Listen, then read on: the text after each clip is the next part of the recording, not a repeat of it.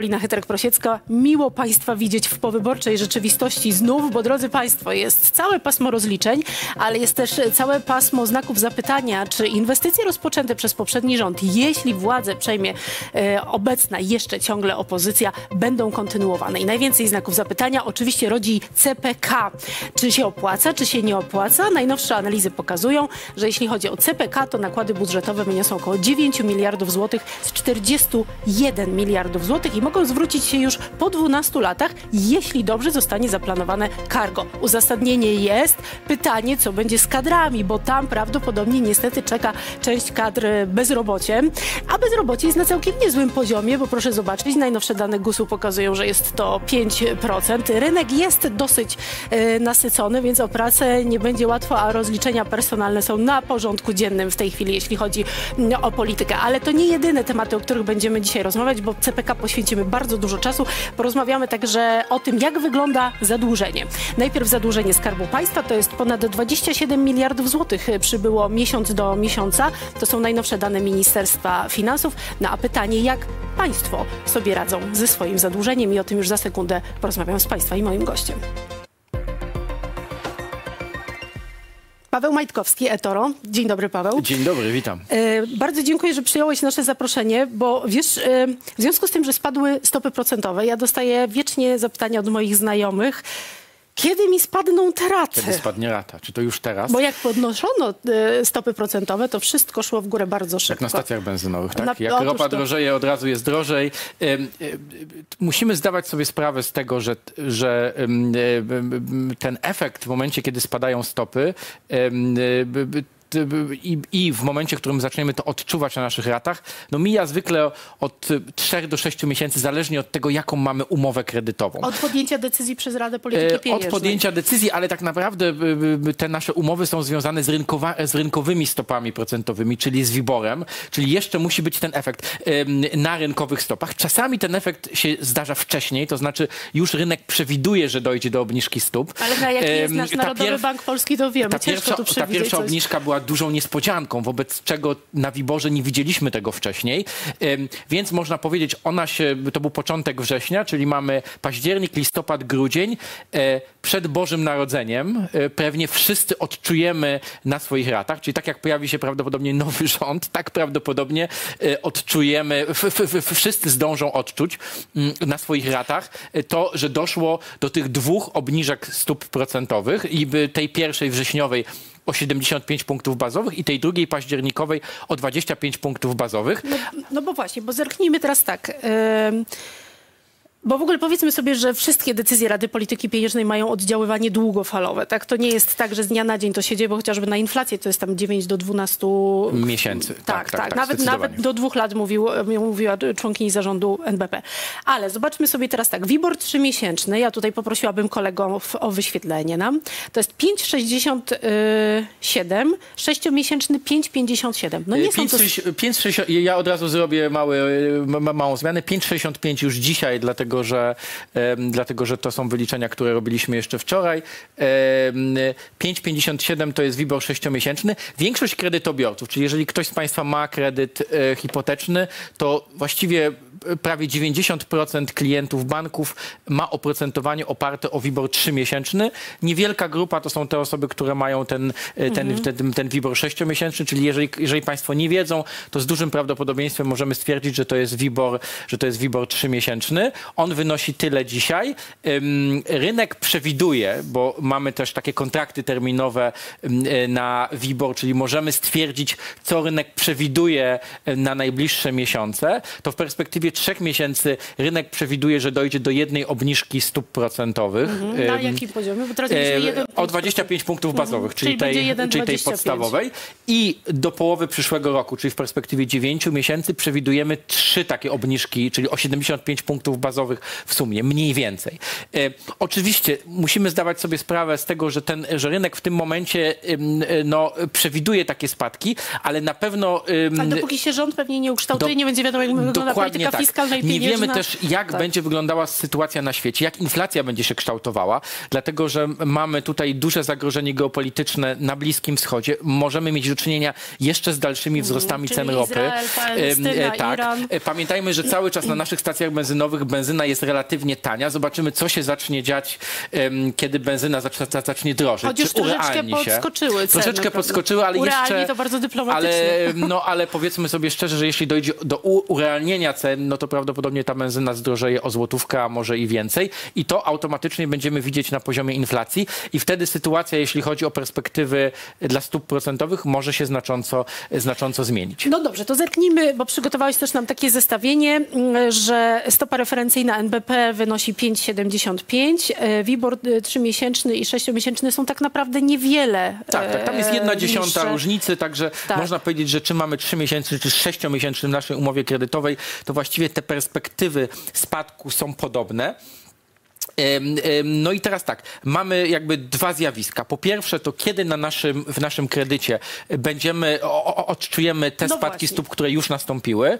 I, tu mieliśmy, można powiedzieć, cztery takie bazowe obniżki o 25 punktów bazowych, bo w sumie o jeden punkt procentowy y, ta, to spadło. A kiedy odczujemy ewentualnie te przyszłe obniżki, do których No jeszcze że dojdzie? e, decyzje zapadły wrzesień, październik, tak? Tak. To kiedy ktoś, kto ma WIBOR trzymiesięczny, zobaczy to na swojej racie? Zaraz powiemy, ile to będzie, ale najpierw kiedy? Tak jak powiedziałem, do grudnia, do połowy grudnia ostatnie osoby powinny to odczuć. Mogą być osoby, które mają, e, bo tak naprawdę istotne jest to, jak, w którym momencie dochodzi do aktualizacji tego naszego Mhm. oprocentowania. On, e, ta aktualizacja zwykle następuje co trzy miesiące dla WIBOR-u trzymiesięcznego i ewentualnie co sześć miesięcy dla Czyli sześciomiesięcznego. to nie będzie tak, że we wrześniu zapadła decyzja, więc w październik, w listopadzie zobaczymy niższą ratę, tylko raczej pod koniec Raczej roku. e, po trzech miesiącach od ostatniej naszej aktualizacji. Może się zdarzyć tak, że ktoś miał tą aktualizację na przykład We na początku września, tak, jeszcze przed obniżkami, czyli, po, czyli, trzy miesiące,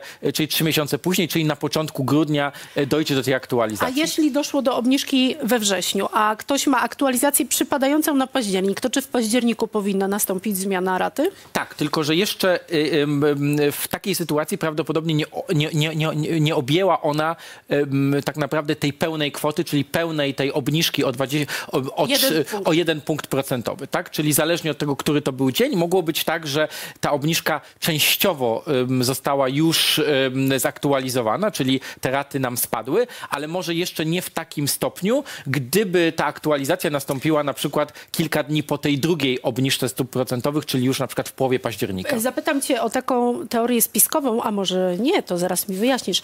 E, Gdy stopy spadały w latach 2005, 6, 9, 13, 15 i 20, WIBOR trzymiesięczny był przeciętnie wyższy od tej stopy Narodowego Banku Polskiego. Czy to nie jest tak, że rynkowi zależy na tym, żeby utrzymywać podwyższony WIBOR? Za co my płacimy?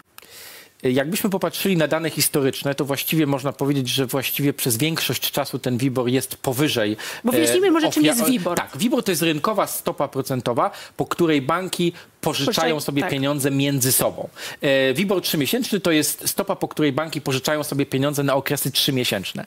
Tych teorii spiskowych troszeczkę było, ale właściwie nie znalazły one chyba potwierdzenia. Problem był tylko taki, że niewiele banków rzeczywiście dokonywało transakcji na tym rynku em, i że czasami zdarzało się tak, że tych transakcji było za mało, żeby można było powiedzieć, że, ten, e, że mamy taką dostateczną płynność, żeby ten WIBOR był realny. Nie było żadnych dowodów na to, że dochodziło do manipulacji, więc tutaj e, do takich sytuacji nie dochodziło, ale można powiedzieć, że tych transakcji było zbyt mało i rzeczywiście na danych historycznych możemy stwierdzić, że ten WIBOR był praktycznie zawsze wyższy od stopy oficjalnej. Teraz jest taka wyjątkowa sytuacja, ale ona wynika prawdopodobnie z tego, że rynek spodziewa się tych dalszych obniżek. Jest trochę, trochę, trochę rynek nie wie, co się będzie działo, tak jak powiedziałem, ale, ale spodziewa się raczej tego, że jesteśmy już w trendzie spadkowym, ym, więc stąd prawdopodobnie, stąd prawdopodobnie taka sytuacja. Pytam cię o, o te teorie spiskowe, bo kiedy y, wszyscy płaciliśmy, wszyscy kredytobiorcy wysokie raty, to nagle wyszedł rząd i powiedział, no dobrze, to teraz w takim razie takim wskaźnikiem referencyjnym będzie nie WIBOR, a WIRON. Ponieważ mieliśmy troszeczkę obaw związanych z, wi z Wiborem A i tego, jak on jest Wiron? zbudowany. Wiron to jest troszeczkę inny, inny wskaźnik, budowany troszeczkę inaczej. On miał, być, on miał być wskaźnikiem, który będzie miał wyeliminowane te wady, które ma, Mhm. które, które ma Wibor. Czy one, czy, czy rzeczywiście te wady zostały wyeliminowane? Jak ja patrzę na to, jak to kształtuje się, no w, w, w, tak naprawdę właśnie chodzi głównie o to, żeby nie było możliwości, przynajmniej takiej po, po, po potencjalnej możliwości manipulowania. manipulowania. E, czyli żeby Bo takie rzeczywiście... historie się zdarzały. Na przykład Em, pamiętam, że chyba na Liborze, szwajcarski tak, na Liborze, tak, tak, na no Liborze franku w Londynie szwajcarskim, tak. rzeczywiście udowodniono sytuację, w której banki banki między Mhm. sobą rzeczywiście uzgadniały pewne transakcje, no i w ten sposób, i w, i w, i w ten sposób te stopy były, można powiedzieć, w pewnym stopniu zmanipulowane. Dlatego Libor zniknął, tak? Em, jeśli chodzi o Wiron, no to tu problem jest taki, że on dosyć mocno się wahał. To znaczy, o ile Wibor, my, my, my, my jesteśmy w stanie powiedzieć, jak on się kształtuje, jaką on ma historię i mniej, im, im, im mniej więcej zanalizować to, jak on się ma do tych oficjalnych stóp procentowych, o tyle w wypadku Wironu rzeczywiście mieliśmy do czynienia z Ale dużymi Olgi, ma wahaniami. ktoś kredyt w oparty o Wiron w ogóle na rynku? Yy, Wydaje mi się, że jeszcze, yy, że, że może zdarzają się pojedyncze przypadki banków, które, które, Mhm. które to które, już, które już to stosują, ale no można powiedzieć, że na Wironie mieliśmy dużo większe wahania, yy, więc, yy, yy, więc aczkolwiek wydaje się, że Wiron też jakby mm, yy, tutaj yy, ten, ten, ten, ten, ten poziom Wironu teraz jest zbliżony do Wiboru, więc No- być może dochodzimy do takiego poziomu właśnie, yy, że dojdzie do pewnej stabilizacji No to kursu. zobaczmy, jaką e, przewidujesz stabilizację na styczeń 2024 roku i ja po prostu się przewróciłam, jak to zobaczyłam. Proszę zobaczyć, jak spektakularnie nam spadną raty. Wytłumacz, Paweł, o co chodzi z tymi Ym, 18 ym, zł, tak, bo to tyle, co tak, rynek kosztuje. na dzisiaj, bo to, są, bo to są przewidywania rynkowe co do tego, jak ten WIBOR trzymiesięczny będzie się kształtował za trzy miesiące, czyli, e, czyli na koniec, czyli w styczniu przyszłego roku. E, WIBOR trzymiesięczny ma wynosić 5,40, co oznacza, że będzie to spadek e, właściwie dzisiaj o 25, o, te, o o 0,25 punkta procentowego, czyli tak naprawdę jest to jedna obniżka stóp procentowych i za Na racie jednej? Na jednej racie 18 zł na każde e, 100 tysięcy Aha, kredytów. czyli to jest na każde 100 tysięcy. Tak, to Więc jak musimy ktoś sobie- ma 500 tysięcy, tysięcy, to, no to te razy 18 pięć. razy E, e, 5. tak, tak, Ale to i tak prawie- nie jest czyli prawie 100 spektakularnie, bo to wiesz, wydaje się jeden punkt procentowy Bo to dotyczy, to, dotyczy, mm, to dotyczy tych przyszłych obniżek. Jeżeli ktoś jeszcze nie ma zaktualizowanych tych obniżek, które, do których już doszło, no to tutaj mamy bardziej spektakularne spadki. No i też bardziej spektakularne spadki rynek przewiduje w perspektywie 9 miesięcy, czyli połowy przyszłego roku. To tam są już trzy obniżki o 25 punktów bazowych, czyli robi nam się 50 zł na każde 100 tysięcy, na każde 100 tysięcy, mm, e, 100 tysięcy kredytu. Czyli tutaj, jeżeli ktoś ma 500 tysięcy, no to mamy 250 zł tej przewidywanej przez ry- rynek obniżki do połowy przyszłego roku. Ach, to szybko zleci. Cieszę się, że taką optymistyczną informacją kończymy naszą rozmowę. Bardzo dziękuję za wszystkie wyjaśnienia. Dziękuję Paweł bardzo. Ja też się cieszę, że mogłem jakąś pozytywną, Tak, pozytywną tak, bo jak ja zobaczyłam to przynieść. 18 zł,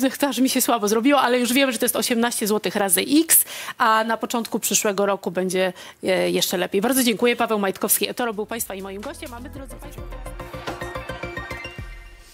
No i tak jak obiecałam, wracamy z transportu drogowego i unosimy się w przestworza, choć chyba jeszcze nie w sumie. Zaraz zobaczymy, czy to będzie miękkie czy twarde lądowanie z projektem CPK, o który jest wielka awantura polityczna, a my posłuchamy, co mówią na ten temat eksperci. Sebastian Mikosz, były prezes LOT-u i wi- wiceprezes Ajaty. Dzień, dobry. dobry, pani. Oraz pan Krzysztof Krawiec, Politech- Politechnika Śląska, ale przede wszystkim Wice Europa.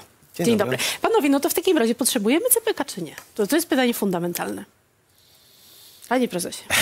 Znaczy, y, y, w kontekście, w którym jesteśmy właśnie, czyli awantury politycznej, to jest bardzo ryzykowna odpowiedź, ponieważ ona e, udzielenie odpowiedzi na to, czy potrzebujemy CPK, czy nie, ma, ma teraz wymiar polityczny, a nie merytoryczny. To bądźmy merytorycznie. E, Znaczy, znaczy merytorycznie jest kilka rzeczy, co do których został zbudowany konsensus. Na pewno jest konsensus taki, że Chopin jest już za mały. No bo chociażby e, nawet przeciwnicy CPK-u przyznają, że trzeba będzie coś zrobić, czyli trzeba będzie albo rozbudować Chopina i inne lotniska, No bo w, tym roku, w tym roku na e, Okęcie przekroczy przepustowość 19 milionów, a, a, a CPK ma mieć 40 w pierwszym etapie. Y, Tak, znaczy przepustowość jest większa, bo przepustowość to jest zdolność do, do obsługi Mhm. pasażerów. Tam teoretyczna jest 21 do 23 Tak, tak, milionów. tak. Natomiast w praktyce wszyscy, którzy używają tego lotniska widzą, że ono szczególnie w sezonie już jest Mhm. właściwie na krawędzi swojej wydolności, żeby nie powiedzieć poza nią. Więc y, ten problem w ogóle debaty o potrzebie kolejnego lotniska, czy nowego lotniska, czy przede wszystkim lotniska przesiadkowego, bo my mówimy o lotnisku przesiadkowym, e, no to on już jest spóźniony o dobre kilka lat, no bo przecież to lotnisko jakiekolwiek, bo ono nie było, nie powstanie. Rozbudowa Chopina będzie oznaczała, jeśli taka decyzja by została podjęta, de facto zamknięcie go na jakiś czas, bo nie da się operować lotniskiem i go No i rozbudowywać. pytanie, czy da się w, jakby wejść w tkankę miejską, No prawda? właśnie, to jest taka rzecz, o której się bardzo mało mówi w tej awanturze politycznej, dlatego jest mi tak ciężko odpowiadać na to pytanie, bo tak naprawdę jesteśmy dzisiaj To- w debacie politycznej. To oddam zaraz e, głos panu Krawcowi, ale e, to, to jak pan był prezesem, proponował pan takie rozwiązanie, jak CPK? Znaczy nie no, lotniska, lotnis, e, linie lotnicze nie są od, e, my jesteśmy, czy, czy my jesteśmy, byliśmy, czy linie lotnicze są od, e, są klientem lo- lotniska. Tak, no ale współpracowali państwo Tak, oczywiście. I to, znaczy wtedy nie było tego problemu, natomiast został on zauważony, bo warto przypomnieć, że w 2010 roku już była pierwsza analiza, Mhm. która pokazywała, że gdzieś mniej więcej właśnie w okolicach 24-25 e, Chopin, wtedy Okęcie, będzie miało swoją przepustowość już wyczerpaną. Mhm. I wtedy też prognozy Urzędu Lotnictwa Cywilnego były, że będzie właśnie taki ruch, jaki mamy, czyli około 50 milionów pasażerów rocznie. Więc to wszystko, co przewidywaliśmy, się spełniło. Potrzebujemy CPK? Podobnie jak pan prezes. No nie, myślałam, że się panowie trochę pokłócą. No. To jest bardzo polityczny temat. I pomijając ten wątek e, czysto polityczny, o którym wolałbym nie mówić, na pewno potrzebujemy dużych inwestycji transportowych jako kraj, e, który się dynamicznie rozwija. Potrzebujemy e, rozbudowy infrastruktury lotniczej i moim zdaniem potrzebujemy dużego lotniska przesiadkowego w Polsce. Jesteśmy dużym krajem Bo Unii my Europejskiej. mówimy nie tylko o pasażerach, ale też cargo, prawda? O czym zaraz też porozmawiamy. Dokładnie tak. A, nie, a to nie jest tak, że skoro potrzebujemy, y, bę- będzie więcej pasażerów y, w Polsce, to czy nie można tego ruchu rozłożyć na lotniska regionalne? Wiele z nich de facto y, jest w tej chwili martwych, jak chociażby Radom. Y, z wydawcą rozmawialiśmy przed programem o Lublinie. Przecież czartery można przerzucić na lotniska regionalne, a ten ruch taki międzynarodowy skupić na Okęciu. No i on częściowo jest rozłożony, bo oprócz tych lotnisk, na których ruch, jest znikomy, mamy także dynamicznie rozwijające się lotniska regionalne, takie jak to w Krakowie, Gdańsku czy y, Katowicach. Tak więc to nie jest wyłącznie kwestia anty, albo to, albo to. to. To się nie musi wykluczać. To znaczy, to nie jest tak, że jak wybudujemy CPK, to nagle zamrze lotnisko w Krakowie. To, to nie jest do końca ta alternatywa. Natomiast ten efekt skali, który lotnisko duże e, powoduje w sensie biznesowym, w sensie takiego przyciągania e, do metropolii warszawskiej, także e, szerzej do Polski, regionu Europy Środkowo-Wschodniej, no to jest coś, czego nie da się zbudować czarterami czy niskokosztowymi liniami lotniczymi. Pani profesor? Znaczy, ja powiem nawet ra- radykalniej od, od pana. Znaczy, to jest, myślę, jeden z podstawowych błędów merytorycznych, jakie jest popełnianych w tej debacie. E, CPK nie osłabi, ale wzmocni lotniska regionalne. One dzisiaj mają już ogromny wzrost. Dzisiaj de facto, tak jak pan powiedział, trochę ruchu jest rozłożony, bo chociażby lotnisko w Modlinie, które też już jest na granicy swojej przepustowości, jeśli można by właśnie powiedzieć, że jest przekroczona, e, no to przecież tam działa tylko jedna linia lotnicza, prawda? E, Radom, znaczy ja m, lubię Radomia bronić, ponieważ to jest taki, taki też błąd merytoryczny. Radom ma już całkiem sporo pasażerów, jak na to, że ruszył kilka miesięcy temu. Natomiast, wie pani, my mówimy o lotnisku przesiadkowym, czyli chodzi o to, żeby pani, o hubie, żeby pani jako pasażer najlepiej w poniżej godziny przesiadła się razem z bagażem z jednego samolotu na drugi. Więc nie ma takiej możliwości fizycznej, żeby po prostu A pasażerów... dzisiaj to jest niemożliwe? Znaczy dzisiaj to jest możliwe, tylko ta przepustowość już jest wyczerpana, bo właśnie lotnisko urosło Okęcie dlatego, że tam się bardzo komfortowo przesiada. Natomiast ten wątek, e, który idzie równolegle, czyli wątek cargo, jest taki, że, że towary cargo też się przez, przenosi między samolotami, które dolatują do danego hubu i odlatują z tego hubu. Więc my nie mówimy o lotnisku do obsługi pasażerów, my mówimy o lotnisku przesiadkowym do obsługi pasażerów i cargo. towaru. A skąd wiadomo, że ten ruch się przeniesie do Polski tak chętnie? Bo przecież Niemcy są zapchane lotniskami. Też zresztą mają niechlubną zresztą historię. Historię związaną z chyba 20 lat budowanym takim lotniskiem. No co pokazuje, że to są skomplikowane inwestycje, które no po prostu trwają. Taka jest natura rzeczy. Oczywiście e, lot, przy budowie lotniska w Berlinie popełniono e, szereg błędów, natomiast to w pewnym sensie usprawiedliwia to, że e, tego typu lotniska e, no po prostu długo się y, buduje. Natomiast y, pani redaktor powiedziała, że y, Niemcy są zapchane lotniskami, ale też te niemieckie lotniska też są zapchane same w sobie. To znaczy w ogóle te huby zachodnioeuropejskie, one są duże, owszem, ale też są wybudowane dawno, to znaczy te takie główne lotniska zachodniej Europy, no to z dużych ostatnie było budowane Monachium, a wcześniejsze, tak jak lotnisko de Gaulle'a w Paryżu, no to są lata 60 No 70 tak, tak, i to widać zresztą tam na tym lotnisku. To prawda. Znaczy, y, nie ma, to jest właśnie, niestety znowu wchodzimy w materię, w materię polityczną i dlatego jest tak trudno o tym mówić, o tym projekcie, ponieważ on został spozycjonowany jako projekt nie za czymś, tylko przeciwko czemuś, tak? Czyli chodzi o to, żebyśmy wstali z kolan, prawda, żebyśmy zrobili coś przeciwko monarchii. A tu chodzi o to, że nie ma powodu, i tu muszę zagrać nutą patriotyczną, żeby najwięcej Polaków przesiadało się w Monachium, Frankfur, Fra- Frankfurcie, Ongi, tu, tudzież w Wiedniu. My, my mamy wystarczająco, pani zapytała o to, skąd wiadomo, że No będzie właśnie. ruch. No bo empirycznie ten ruch jest. Znaczy wszystkie prognozy, które były robione w latach 90., latach 2000 się sprawdzają i to nawet się sprawdzają z nawiązką. Czyli Proszę- my jakby dolatujemy do innych krajów zamiast... nie, cały ruch rośnie. W tej chwili jest 4 miliardy pasażerów rocznie na całym świecie, a w roku 2050 ma ich być 10 miliardów. W Europie jest bardzo podobny wzrost. Mówimy o wzroście o 100%. W związku z czym ten ruch się rozłoży po, po Europie i jest jeszcze e, e, kolejna rzecz. E, W, w Polsce myśmy, znaczy Polska rośnie szybciej niż inne, niż inne rynki i ostatni argument, no przecież wszyscy zapowiadali katastrofę związaną z COVID-em. Wszyscy mówiliśmy z branży, że to jest kwestia, że to jest takie zakrztuszenie się wynikające z warunków administracyjnych. To nie biznes źle działał, tylko nie wolno było latać. Na cenach sobie to branża odbija, muszę przyznać. No, Przed chwilą pani rozmawiała o inflacji. Pan może prezes, no właśnie, pan prezes zrobił minę. Bardzo proszę, bo chciał pan dodać coś. No, on będzie ruch, rósł także dlatego, że my jako Polacy dość mało latamy w porównaniu do zachodnioeuropejskich A społeczeństw. bogacimy się jako społeczeństwo. Absolutnie. Tak, i e, w nowej prognozie e, dla rynku lotniczego opublikowanej niedawno przez e, Urząd Lotnictwa Cywilnego występuje współczynnik mobilności, który jest takim stosunkiem liczby pasażerów obsługiwanych w kraju do liczby ludności. On dla Polski wynosi 1,1 około, natomiast już w Niemczech jest 1,7 a w krajach zachodnioeuropejskich on bywa także powyżej dwóch. Oczywiście on potrafi dochodzić do czterech w takich krajach jak Hiszpania, tam jest oczywiście jeszcze turystyka, wyspy i Jasne. tak dalej, więc jakby nikt nie sugeruje, że u nas aż tak bardzo wzrośnie. Natomiast nawet gdyby on był w granicach y, troszkę poniżej dwóch, no to dalej mówimy o prawie dwukrotnym wzroście liczby pasażerów. Zresztą ten potężny wzrost liczby pasażerów to nie jest nowa sprawa.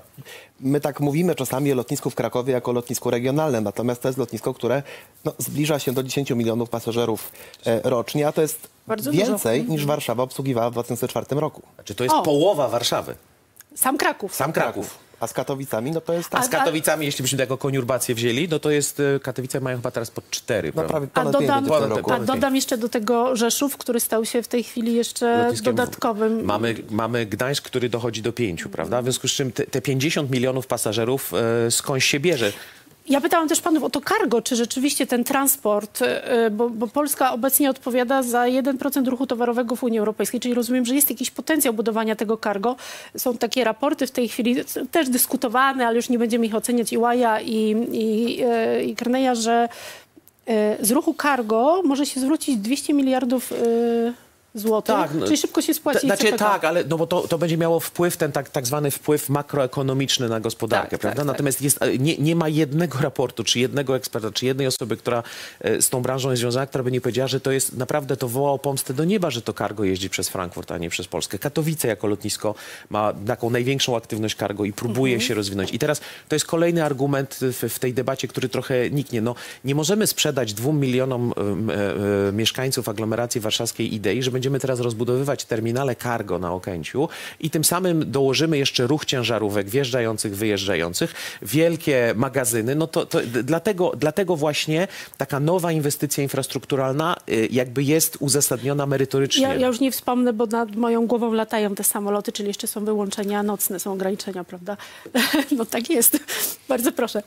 My myśląc o lotniskach niemieckich, zwykle myślimy o Monachium i Frankfurcie, natomiast jeśli chodzi o cargo, to jeszcze mamy lotnisko w Lipsku, które jest e, no, bardzo, e, to jest tuż przed granicą polską przecież, to znaczy no tuż, no, kilkaset, e, ki, no, Znaczy dla ciężarówek to jest tuż, To jest prawda? tuż, tuż, tak. To jest tuż, tuż, to tak, jest to tuż. znaczy i teraz no, Lips w ruchu pasażerskim w gruncie rzeczy się nie liczy. No, są takie lotniska w, w Europie, takie jak Lierz, które są Lierz, tak właśnie... samo, tak. E, które są bardzo e, takie zorientowane na transport towarów, no a też przecież mamy rozwój e-commerce. E, to się naprawdę dynamicznie e, rozwija i naprawdę nie ma powodu, żeby tak duża gospodarka nie robiła tego u Staty- siebie. Statystyka AJAT jest bardzo ciekawa w tej, w tej materii. E, Cargo lotnicze stanowi 1% całego wolumenu światowego cargo, natomiast stanowi ponad 30% jego wartości. Dlatego, że w samolotach przewozi się rzeczy raczej nieduże, ale o wysokiej wartości, chociażby takie jak mikrochipy, części zamienne, przewozi się wszystko to, co się szybko psuje, co jest droższe w, ży- żywności. W związku z czym dlatego te uzasadnienia wydają mi się całkiem sensowne, że to jest 200 czy ileś tam miliardów, bo po prostu te towary są o wysokiej wartości i, i za, nie, za ten transport się płaci dużo. No tak, bo to będą i cła i, i różnego rodzaju inne podatki. A jakieś argumenty przeciw? Na przykład wysiedlenia ludzi. Ale to, znaczy, przepraszam, to ja sobie pozwolę, tylko argument przeciw to jest y, brak dialogu. To znaczy ten projekt został zrobiony nie jako długofalowy projekt, który został wydyskutowany. Ponadpolitycznie. ponadpolitycznie, dlatego że dla mnie kluczowym argumentem jest Tak to... jak był gazoport na przykład. Tak jak był gazał, ale tak jak było wiele rzeczy w Polsce, bo my, są, jest parę rzeczy, gdzie mieliśmy jakieś tam, jakąś tam formę, formę dialogu. Jeśli byśmy przyjęli, że to lotnisko e, zostanie utrzymane i ma powstać w ciągu, przyjmijmy 10 lat, to jest tak prosto dla kalkulacji, to mówimy o dwóch kadencjach prezydenckich i dwóch kadencjach parlamentarnych. W związku z czym nie może taki projekt infrastrukturalny powstawać przeciwko komuś, a już szczególnie tak jak teraz te takie e, wrzutki, że my wam jeszcze na ostatnią chwilę, chociaż już oddajemy, to wam jeszcze wrzucimy inwestora i, No i właśnie, oj, to, zarządzającego. bo to miało być moje ostatnie pytanie, to proszę komentarz, jeśli pan chce, a ja już przejdę do inwestora zaraz. Bardzo proszę. My w Polsce przy inwestycjach infrastrukturalnych mieliśmy e, takich transportowych jeden konsensus, to była budowa autostrad. To Mhm. znaczy nikt nie miał wątpliwości, że w Polsce autostrady są potrzebne, no trochę także dlatego, że na zachodzie są, to u nas też No powinny i trochę być. przy okazji Euro 2012. Troszkę, ale to tak trochę przy okazji było. E, Natomiast e, tak prześledziłem sobie, jak to wyglądało na zachodzie Europy. I to zawsze tak było. Najpierw autostrady, potem duże lotnisko i zaraz potem kolej dużych prędkości. Francja, Hiszpania, Włochy. Najpierw miały autostrady, potem jak już zbudowały tyle tych autostrad, że już no troszeczkę nie ma gdzie ich budować, można je poszerzać i tak dalej.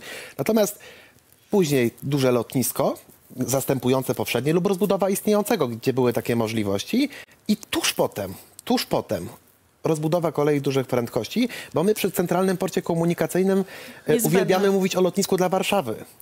Ale myśląc o przesiadkach, to proszę zobaczyć, z perspektywy Krakowa i Katowic, ale także Gdańska, uwzględniając CMK Północ, to ta, ten lot pociągiem e, z Gdańska, Krakowa czy Katowic, ale także Wrocławia, który obecnie jest kolejowo koszmarnie połączony e, z Warszawą, e, no to się skróci do godziny i 40 minut. To jest ceny, już o wysiedlenia nie będę panów męczyć, bo widzę, że panowie bardzo unikają tego tematu, ale chcę w- do tego przejść do inwestora na koniec naszej rozmowy. Odchodząca władza próbuje związać projekt umowami i zaciągnąć wieloletnie zobowiązania, mówi Michał Szczerba z Koalicji Obywatelskiej, po tym jak minister Chorała, a właściwie teraz już nie, nie, nie minister, ogłosił wybór inwestora dla CPK. Jest to firma Vinci Airports y, i IMF, y, IFM Global.